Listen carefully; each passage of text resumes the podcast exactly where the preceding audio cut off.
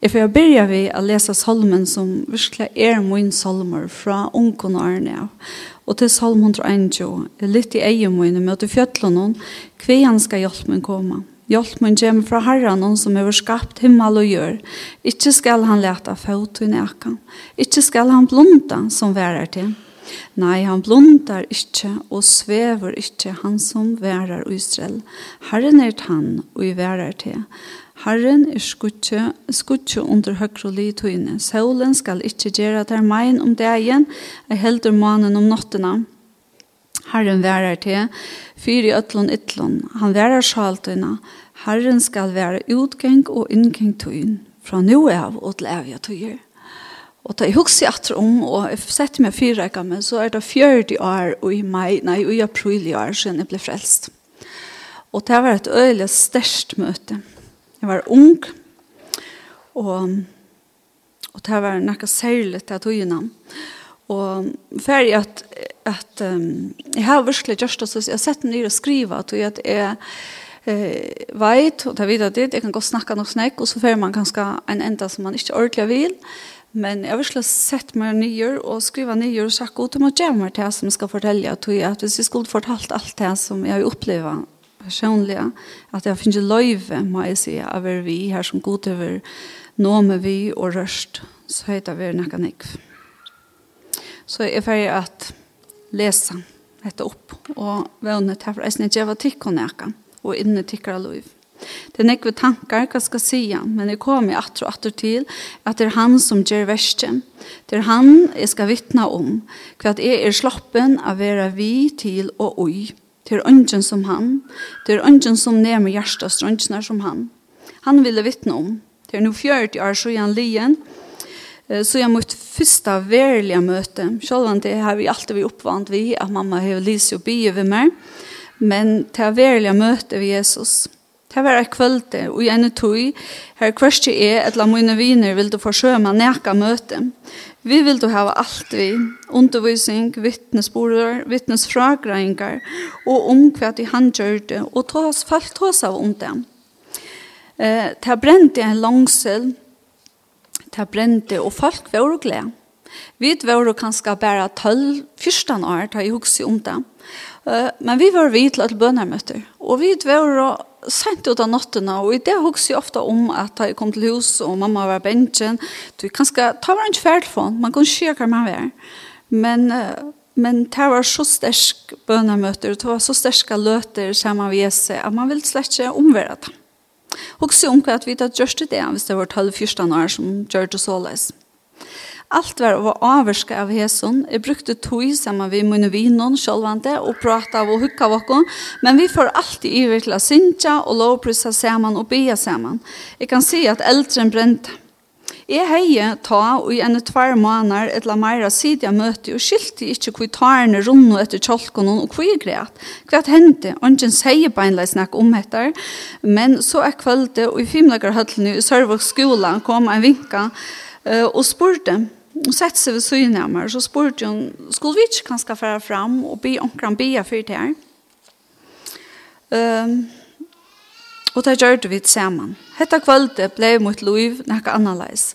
Nekka kom inn, nekka flotte verlig inn, og kunne ikke sette år av det. Minnes mest gledene som fylte hjertet. Det var møte ved Jesus.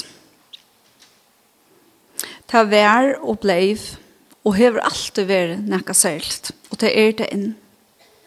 Att tåsa om hela andan som ånden ser, det er også om hettar att jeg vet ikke hvordan jeg var tycker om vår när til till Anna Gvidsson det at ha i prästan i kipa av fyra godstjeneste. Men jeg helt av översla gott här som Andal Hansen tåsa i om till bøttene om hettar vi hela andan och att han kom och så sier han och tar blåst og man ser ikke da man blæser, så blåst jo en harste mikrofonen. Det ser man inte men men hvis man ständer någon är så føler man det. Ha? Och så demonstrerar reagerar hon där vi hon tog en ballon, så säger hon ta dig ta en ballong och blåsa henne så ser det att det vinter att det är näka en ante som kommer till att det är en kraft som för in i och det ser man så tog hon det här vi vi sapa blör med sån trim och la fyra och blåst ju alla sapa blörna för oss det ta ser man det Vi kan ska men kan säga men vi söker inte till det, vi har inte till det. Men i hooks men kan eh till eisen näka vi kus när vi där. Jeg sa hvordan mennesker ble forløst fra rose, familier ble totalt brøtter, og nekv heim ble brøtt. Minnes jeg at jeg var vunk og snekv, og jeg har fortalt det, men jeg glemmer aldri en som virkelig var nekbunden av rose, og at han ble frelstøren. Han var så rær ringer at hovene av bomsen og sånt. Og i løpet av den neste døvnen så var alt det vekk. Og Ta jeg også at om at jeg har hatt en rente som vi da stod snakk vi sår, det er ikke bare noe som fer. Det var en grøying som god gjør det. Horene var oppe av vojen vekk, til nekko om familien, og bei yngre og eldre kom sammen, og det tog seg om hettar som hendte. Det er ganske lukt i det, hvis man tanker i det, at det er, nu er det her vi fotballt, og ta det noe særlig som hender her, og kvært, og det er vel snurra rundt ganske av Facebook om hver detaljer. Så det oss svært til nok eisende i mitt noen, at vi tar av om hette hvert var hent, og folk fortalt om. Eh, så er svært eisene vi, vi møter noen vi Jesus for mange mennesker. Folk blir ombrøtt, Og det ble nekka nytt, og det var nekk som ble grøtt.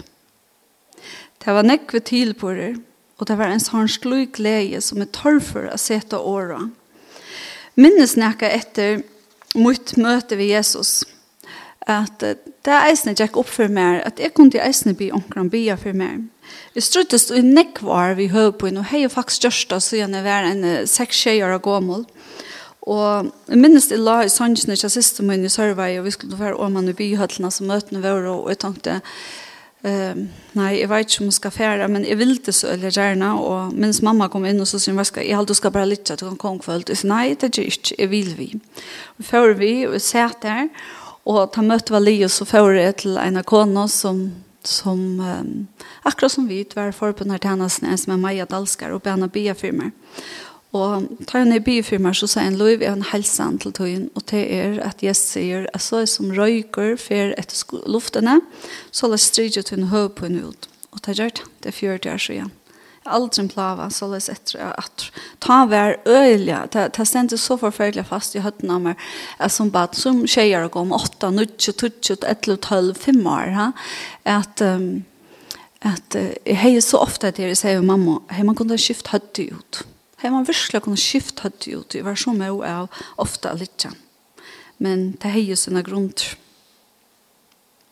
Det som jeg vil vittne, og til er det her, hvordan jeg har sett, og hvordan jeg har hørt og i noen alle sier år, at, og, og jeg husker om at Jesus er min aller beste viner, og i ødelen løven må jeg si at han er han som jeg har bekjent meg aller mest til, som jeg har tåset og sett året, for jeg er ute og korset, ute og gynnsje, Eh, ett la meg et sted her som det var stilt og bare kunne ha fortalt om noen alt det som är har vi haft en joi og som jeg var. Og det som er fantastisk, det er at om man har gjort det, så er det akkurat som du slipper det av noen ting, men han kommer reisende, og så fyller han det, og du kjenner han seg av nerver. Fra, tull, fra Tullia, altså ta og jeg ble frelst, så minnes det at jeg var øyla grypen av oss her at jeg bøy og forfølgte. Det var ikke vann vi, her som jeg ikke kan møte. Og, og det var nok så kjøtt, så var det således at jeg slapp av å være vi. Ta ut det bøy og forfølgte.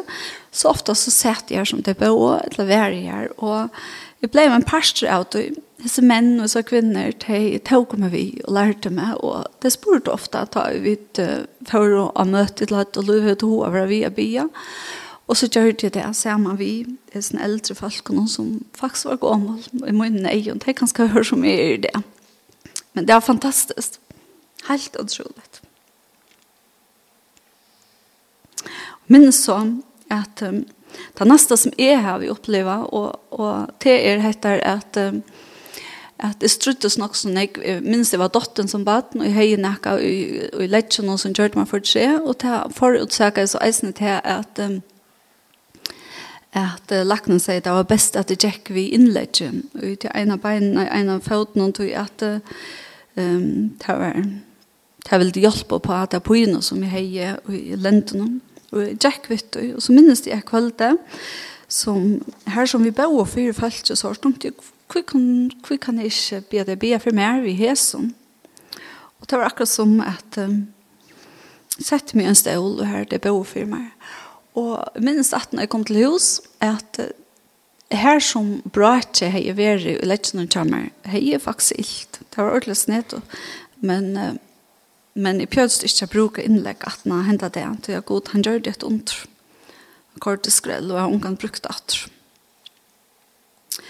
Eh minst eisne en sommarstevne og ta og det var Arne flott til havner i hver åtta landa här som det var så så vi var en tre och föringar och att ehm um, här som vi bo en timme samman kunde Här opplevde jeg att det var en danskar som kom in och han sa jeg vill så gjerne vara vi samma vet inte om det hade bia.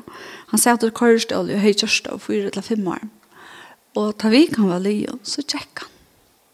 Det var fantastiskt att sitta och skotgrötta igen han grät och vi grät då. Det var otroligt alltså sitta. Tog att ta i världsarstävnen så sa jag folk verkligen att blev gröt och de reste sig upp. Men det var så nära på att man upplevde det. Så blev det något helt särskilt. Och som jag etter og etter vi också om, som jag skriver heter, så är det etter det som min vittnesbörd är om Jesus, att jeg har finnet löjv å gjøre vi, jag har finnet löjv att säga og på när hon att han er gjørst. Og han genga i flit til havnar, arbeide, ble gift, åtte bøtten, Og mengen kan ska vara en streven tog, tog det var en sträve tog jag att man kan ska ut i andal i fronten og får en ägg också som man sitter rundt om og kjenner, man samles ikke så ägg mer. Og det ble vel litt sånt annerledes. Og kanskje så ont i eisene som er mamma vid Lutlund Bötno så så var det ikke akkurat att säga man släppas det. Men jeg minnes da vi flyttet ned til Høyvukar, at, um, at jeg, det ble nekka her, ta. det var onker som ringte og bjør meg via møte og ikke gav opp, mens vi får til en, en, et vikskift inn i kjeldene, her som god dør det, nekka vi med og vi mot liv, og at jeg atna at han der, jeg begynte jeg gikk menigheten i Høyvik. Og det gikk heller ikke lunge kanskje inntil at jeg var vi først i bia. Og, og jeg husker om at, at ta og at det her som hendte og, og her inne, det var nok til at, at det var onker som kom og be for meg. Og så begynte jeg å spørre, hva er det som du strøyest vi? Hva er det som er strevet? Hva er det? Og det var således at det første badnet tog da miste vi, og jeg kan skal laste alt inne, og helt at at det at jeg miste, det kan skal være at jeg levde for kjærest til det. Det var nok ting min liv som ikke var rødt. Men så var det så godt at det var anker som kom og hjelpte det mer, vi sier for dømingene, og og at jeg fikk prata veldig, jeg fikk bruk for at jeg god kom inn, og det ble en prosess som byrja og min kjølsmynd brøttes at jeg kunne godt være brukt. Guds ande var til verska, og førte meg i kjøkkenen, og i middelfall så ringte og bjør meg å møte. Jeg fikk viner som jeg snølte meg, og lette øyre til. Kjente jeg ofte hvordan jeg hele anden tog seg i kjøkkenen der, og løste meg. Jeg fikk løyve av å være brukt i forbundet og tjenesten. Jeg halte veldig at jeg har vært en fremmedkjær rattor av suttjan hva det er hent og hvordan jeg ser over med folk. Men kan jeg vi se mynter eh, til akkurat som fotografier som er kommet inn i mine tanker. og ofte har jeg hoksa hva skal jeg bruke det til, hva det er dette og, og så kanskje i så løte, og etla vi kvørst enn at 18, og tenkte, å, hva er dette kanskje til omkran, etla hva er det omkran som skulle få dette.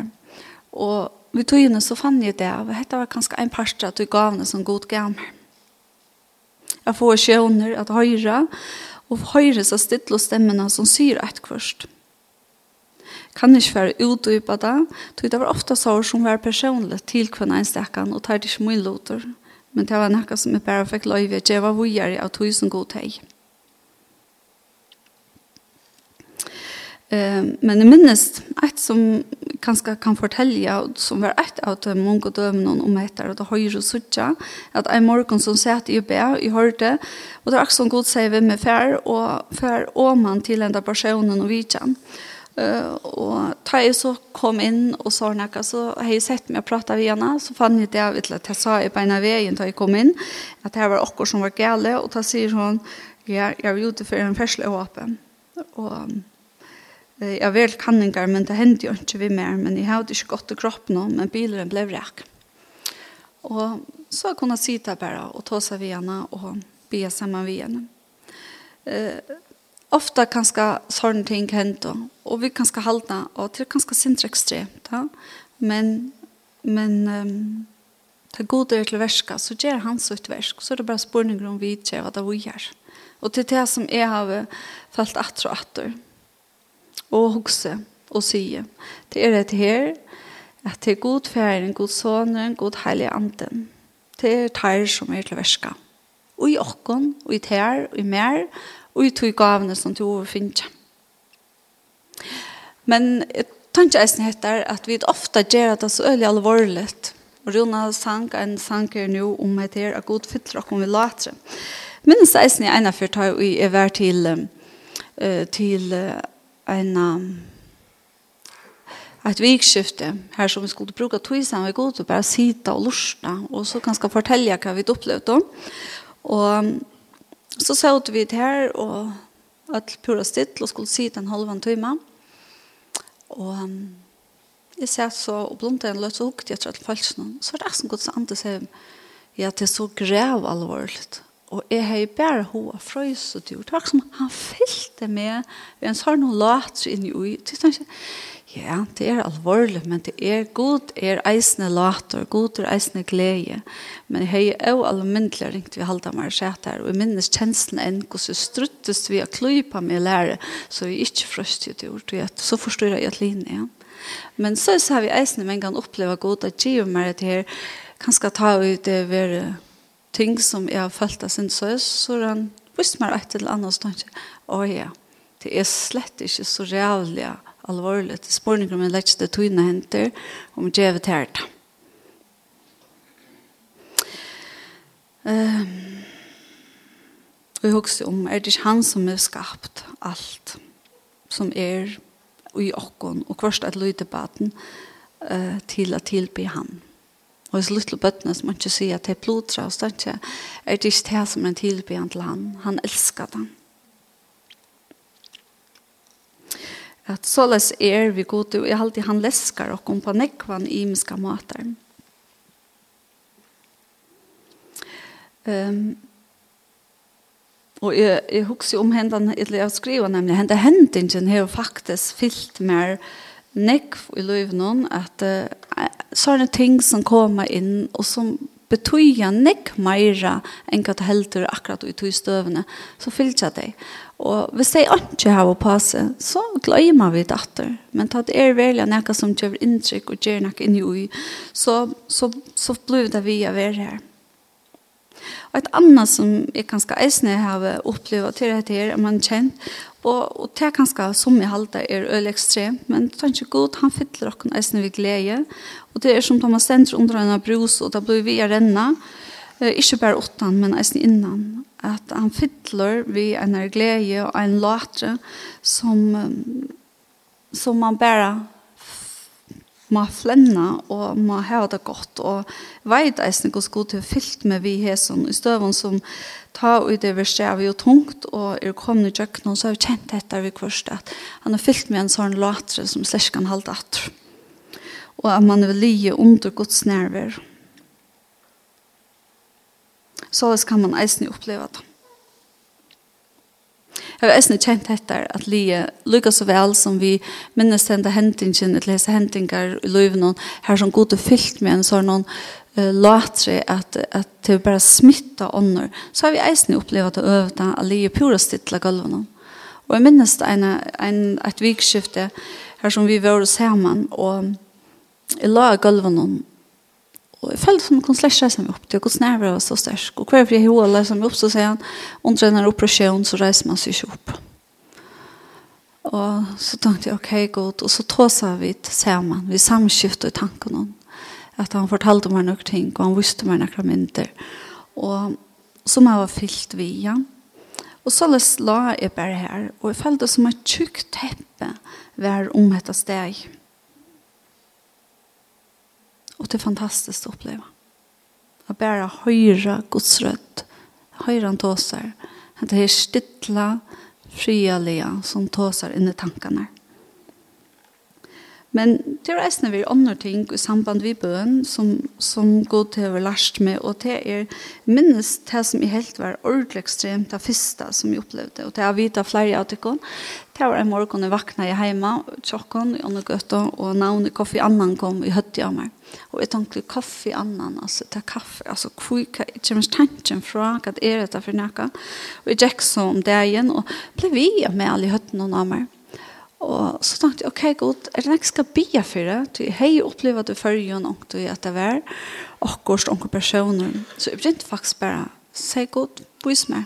Så var det nok ting som jeg bia for det. Og han vet at det, en trutja det er at han har, glömde glemte det aldri, og kom ur stovene, og stittlet en bår i her, og det var en ordentlig den her større av husen, og i åpne første soja og hitjen er och og helten av myndene er av som myrka mannen och og så sendte kaffe i annan hon, Og jeg ble ordentlig klakk. Og jeg tenkte, god, hva er det du gjerst? Altså, Hva bruker du med til og i sånn lytla land noen en sånn personer som kjører du gjør ikke nækka. Men det var akkurat som Gud sier, ja, men i ötlun samfunnsløven og i ötlun og sjøvnen så kattler jeg folk sammen til å tilby meg og at være vi og i min arbeid. Ta i bygge og ta i han være i mye og finne ha friar tinsingar og det var blevet frier. Det var så bentene for at krutsprast ut, men ta fyllt jag ikke vet men ska lova for at, at han har vi ofta fyllt vi. Men så er det han just Minst eisne vi tar i gården og morgen skuld og fære nere Balkan og krutje i Jugoslavia, var vi at uh, det var sånn ofrier som tar byrja i, det er Jugoslavia et land, og tar skuld nye til en sommarlevo Og som var nere i Balkan. Og et navn som Atte Sari kom i høtt av meg. Og ta meg ikke bare vi, så jeg god. Nå gjør vi et alt tøyen, jeg vet ikke hva det er, jeg vet ikke hva det hvordan og hva. Um, tror ikke det er at nå, da stod han i haften av kvøldvakt, og jeg går til utvarpet fra, og da sier han at han finnes ikke fortsatt som alle allerede. Mattias Atte Sari, han har vært nere i Balkan til frihertingskjøkker, og jeg finnes fri over vi i tøy. Og jeg tenkte, jeg må søsse godt. Og det er jo lært med eisne at han ikke bare tar du først en tanke fullstendig henne til blå, kan man si, At man bare leter affæra forbi.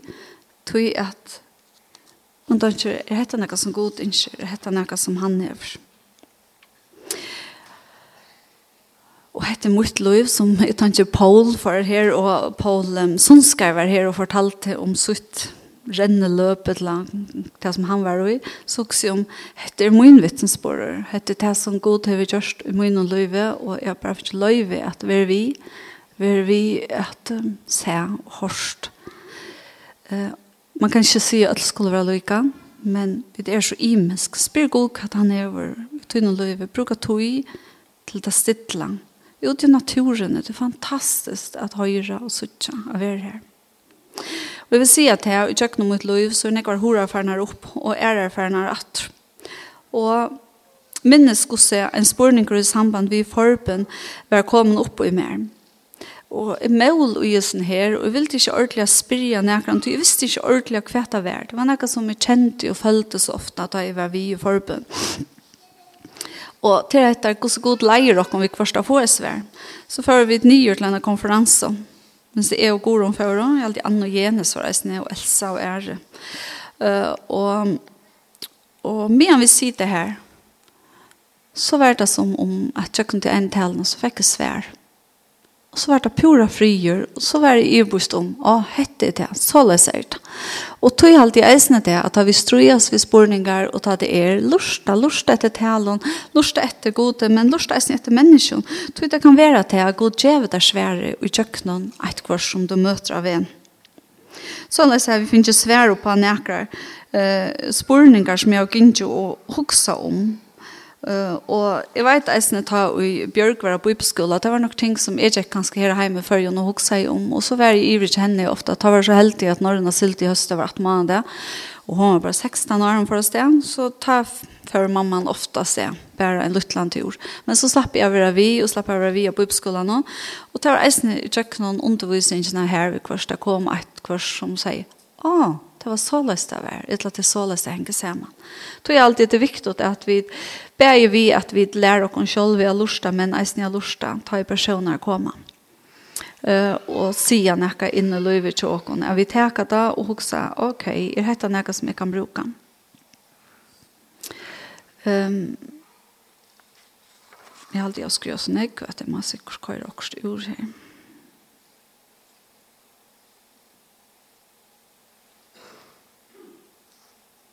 Ja, yeah. Eh som jag säger från för eh att är upplevt det heter vi gröjing och palika med och som jag ser att ölja neck för människan tar man är en förbundar till så särskilt och välja neck och det ganska är snä ofräls människor som upplever att människor att god gröper in och och är också vi först och det för utåt och det gör inte vi heter men det var nog eisen som hände till Jesus så så vill jeg att vi ser flyter med fram ganska till 18-2000 och 18-luten börjar jeg, och vi er ganska i Teivalio i Hackhandskola i 2005-6. Ta för det är ett år skai, Och här fallt jag god begynt jag när innara gröing. Heita var en åttere grøying, og æren så var det en innara gröing. Vi sutt jo i det, hvordan herren hever drie, mine hoksaner til imes som hever åpna opp til, som hever vært nyer pakka og i mine løyve. Og Og ta i fyrir av dette her skaje, så kunne jeg si at ta i var livet, så minnes det at det som tanken kom, at det er akkurat som en kæva bølter som er begynt å rotla, og han er ferdig å rotla, helt her oppe fra tinten hon, og han rotlar han etter mot det grøna delen.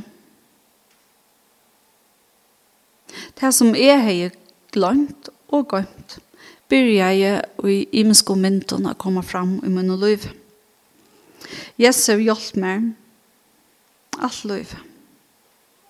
Og så nå så kjente han akkurat som at han gav meg følges i årene inn i livet som har vært vi til å løste opp og som har hjulpet meg vi tog.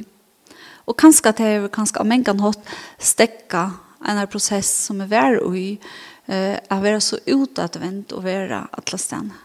Så jeg følte at herren er nækket av de innere som han ikke skulle komme opp og som skulle gjøre snakka vi. Og det var slik folk som mekna og orska og dutt var råma mer og dutt var seta spurningar. Uh, og som kunne bia for mer og så kunne jeg genga vujere og bruka teg.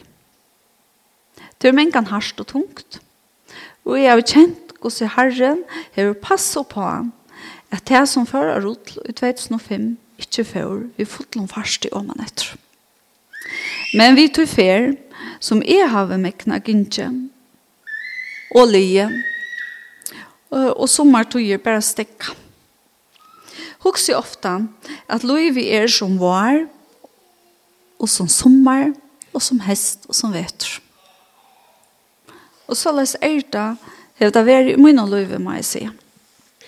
Men det er eisne godt vi kvar spæra litt og kanskje bara känna Guds närvaro. Känna att han arbetar och han låter han å være til verska vi tar som var sendt in i liv.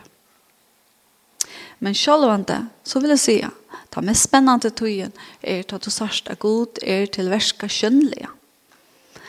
Att du sørst velger kjønnelige enn som händer. Och det er såles at det er. Alle de feriene som jeg vil oppleve, at bein har vokst ut, at mennesker er opplevd grøtt, at mennesker er blitt forløst fra imenskån sjukken, er blitt forløst fra astma, blitt, altså, for jeg ser at det er ting som standa som Jag vet man kan säga sådana mulpeler, eller pelar i livet att jag aldri har ivast om Guds existens och at Gud er. Vi kanskje har sagt, vad är du? Men jag har aldri, aldri ivast om att det är en verleid. At Gud är en verleid, vi gjør og i det och till eviga tøyer. Och det är fantastiskt att det har vært en tryggleik, han ville si för mig. Og et som eisen har vi givet meg nækka i si årene, jeg fikk en bøk opp i håndene som jeg får å lese. Og etter å lese disse bøkene, og hun eider hutten, trygg vi nekve at du kan kjenne henne. Så vil jeg si at det var akkurat som til og i kjøkkenen etter her tunga og strauna så å få et beskrivelse av hele andan og Jesu og god i kjøkkenen og disse bøkene, har vi mengen disse myndene kommer til meg.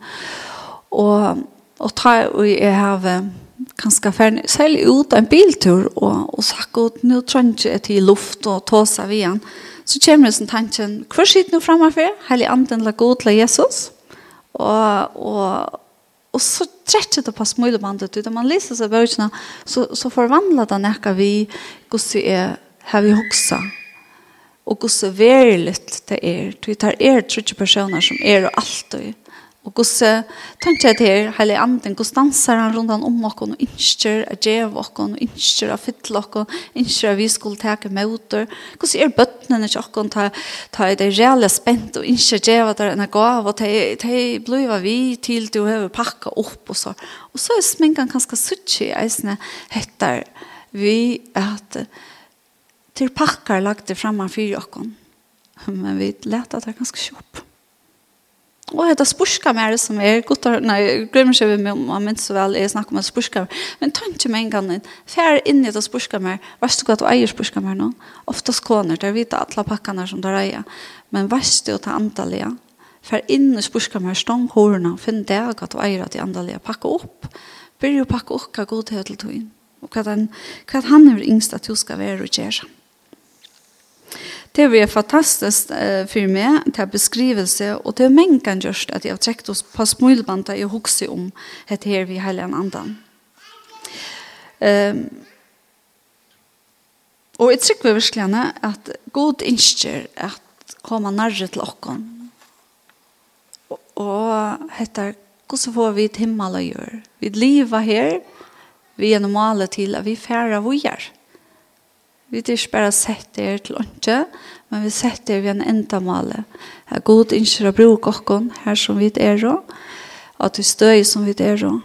Hver vi så er i arbeidslivet og hver vi så er og, vi takler det noen, så innskjer han.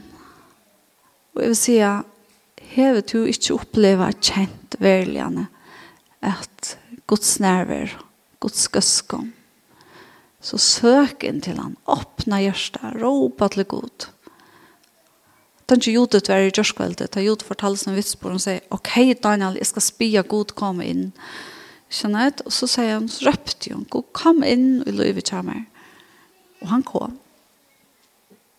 Og det er hever, um, det er en fantastisk alt det er, har vært fyllt nekken av sånne unge folkene, som har gynt til jokra samkom, og sier hva god til Gjørste Tarra løyve, hvordan det er farvannleie, og hvordan god til å åpne horer, og grøtt. Det er eisen vi er fantastisk å se. Og så er god til verska av nekvann hatt.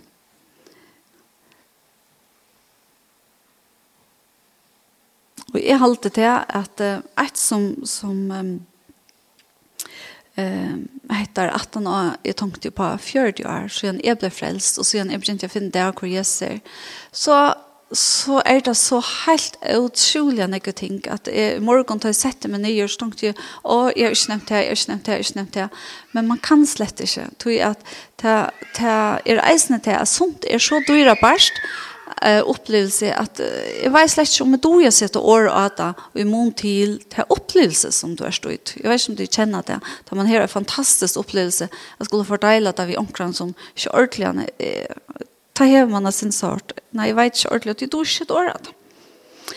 Og tog jeg også, jeg kunne sagt så reale enn jeg var treet. Togene vi bøtt noen hvordan vi opplevde det, hvordan jeg opplevde det, at jeg hans var ikke vi tar, hvordan mors og goron um, kom vi og møte til Teivild, og gjerne vi ofte at det var konferanser, men så var jeg sånn urslut i at jeg så til søstermann, til mamma var forbundet til henne, de opplevde å sitte fremst av punkt, og kanskje suttjene ikke av tog, og, og bare kjenne av tog. Det er eisen en å fortelle om, og togene som, her som jeg minnes det ble frelst, og, og minst at Bjørk ble frelst, altså. At jeg minst henne vekk av en her stevne som var her inne i Østrøytene, og jeg tenkte hva er det, og hun var, og jeg vet, jeg minns ikke hvordan gammel hun var, så tenkte jeg, okkar avtala i familjen i alt det vere. Vi skulle standa her som vi da miste vekk. Så jeg sitter meg bare her og boja i tid. Jeg tenkte jo, må for komme undan folk har håpet noen ångstan. Så kom en atter, strala som en sol. Jeg var ganske sjukla.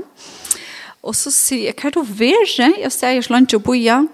Så sier jeg, ja, men de satt det til at hvis man var i benjen, så kunne man godt komme fram, så skulle de bia for meg, eller bia for folk, og så får jeg fram. Og jeg halte jeg blir frelst. Og jeg minnes det at da vi kort var herfra, så skulle vi ringe til pappa sin og fortalje at hun var blitt frelst, og vi stekket av og han alltid, jeg vet ikke om viten ikke er oppe og kjøpt denne blod som stod og nok om her til at hun var blitt frelst. Så la oss se hvor god eisen er lett i djøkkenen, og jeg alltid eisen i djøkkenen arbeidslivet, at la veien i djøkkenen til hitje atter, så tenkte jeg at jeg formal vi lever någon och kvart är människor man möter man heller ofta att det så virslös men då då så hickar att och jag hycker att det så stutch arne det som kanske jag finner av skolagång och sånt så då inte minnes det sätter med nyer och tänkte kvart över verden ska jeg nu bruka det till vad ska jeg göra Men det som jeg gjør det, det har jo gosset som har haft nytte av alt det som er ferdig i kjøkkenen. Det har vi gjør meg, det gjør meg virkelig godt i det, og i tog forretningene så vi av åpne. Så altså, god leier ofte her som vi slett ikke halter, og så ikke noen mening. Men han hever, og nu kommer jeg til det som er, er god ivestør. Han er ikke som er det her tydelig, han ivestør, han setter tingene på plass. Kanskje ikke alltid at du er sett og puslespill sammen. Men ta tog fra fralin så kan det gå suttja det at han ligger her og at han er ikke snakka vidt. Så at um, og så er så er og god er stiv akkom bare fyrjon da han gir ut av snekvastene, han gir ut til at heimen og jeg tenker ofte er vi så reale inne lukka jeg som åsta klokka vi skal ha det så og det skal genka så og det vi må gjøre så for jeg får det rikka det er ikke så og det er slett ikke sikkert om tid kan skal færa at det er akkurat så som jeg har gjort at det rikker til det er så viktig å tere spyr god takk at du har lagt seg mer. Men jeg vil si at togjen som jeg levde i som ung, det er absolutt smitta. Det smittar. Glede smittar. Langsel etter Jesu, at jeg sa til ut av de eldre menneskene, til smittar. Og at alle de sjøver som de fortalte om hvor Jesu er, og hva han gjør det, til smittar. Og tenker, det er en øyelig arbeid til åkken, jeg forteller hvor jeg er til åkere som kom at han har hvordan smittar vi det vi gjessa? Hvordan smittar vi det vi tog i stedet for øtlen? Tog at etter pura sikkert, at man kan søke etter alle møvlene i det, for at uh, få fri og meditere og alt mulig, men kjeldan er Jesus. Det er den største kjeldan til Jesus, sette seg til honom, lære seg. Lese, solmaner, bare Et som jeg har brukt nekk da jeg har følt at god, nå er det virkelig lengt borster til det jeg har bare fortalt om alt det som ligger i min tanke, alt det som er med og alt det som er frustreret av, alt det som er tyngt, alt det som er gjort med sorg og kjedd, bare fortalt alt, alt, alt ut som det er en person. Og det som jeg så har opplevd, det er kjenne frien fra godet som han kommer, så sier jeg, men lov, jeg er bare ikke syne av det. Jeg kan ikke si det her, i er det er virkelig, virkelig godt. Um, jeg blir Tony leit et video lær fram, og jeg husker om etter at det er en låsanger, Chris Tomlin, at uh, men ikke etter, jeg tar ikke etter, en dag så kommer vi til en blimmels, og vi får tilbe til tungemalen, som bante hei i musk oppi her som sunko, nei, som fortalte og eller seg og sunn tunkomale, så er svært det eisen det, og kanskje men kan forvirrande tjokk nok som gos vidfæra at det var det. Men, men god, han er ikke forvirra Og du husker om, han vet akkurat her som du erst i morgen, kjenner akkurat dina støv, han kjenner hva du strøyes vi, han kjenner eisene när du tid har haft ett samskifte senast. När du brukt tog att bara för en tur tåsa vi han som att han gång vid syna där. Och det är säkert det är att det är balsam för sjalna. Det är hjälp på stress. Det är hjälp på att det är som susar i kroppen någon. Att det blir mer frigjord. Det är att tåsa vi han om ett stingene bruka tog samma yes. Och så i morgon så var det förpen, det samma som vi plejer här Och, och vi ser det på tandmatan att uh, stårst här i morgon och inte känner och inte haft ett möte med Jesus så kom fram. Och vi kom be för dig. Men eisen heter att vi så följer och til glias, til glias, til skajklaj Vi har ikke finnet rett av datter. Kom fram. Til snakka hokus pokus, til snakka om man må være så så ofte, eller man kan bare være ene for byen for det, eller man heter øyelig ring. Det er ikke det i forbundet. Forbundet til fire at vi kommer være vi til å leske og teke om hver annan, stole og oppmuntre hver annan. Jeg bare kunne legge hånda og bygge. Det er det som vi er til i forbundet til nesten. Og Jesus han dømer ångan, og til det som vi tar vårs og nøyk, til dette til fralse, John. At nøyen er utrolig, og det er sånn frigjør, da vi bare kvila, John, er i hans nærvær.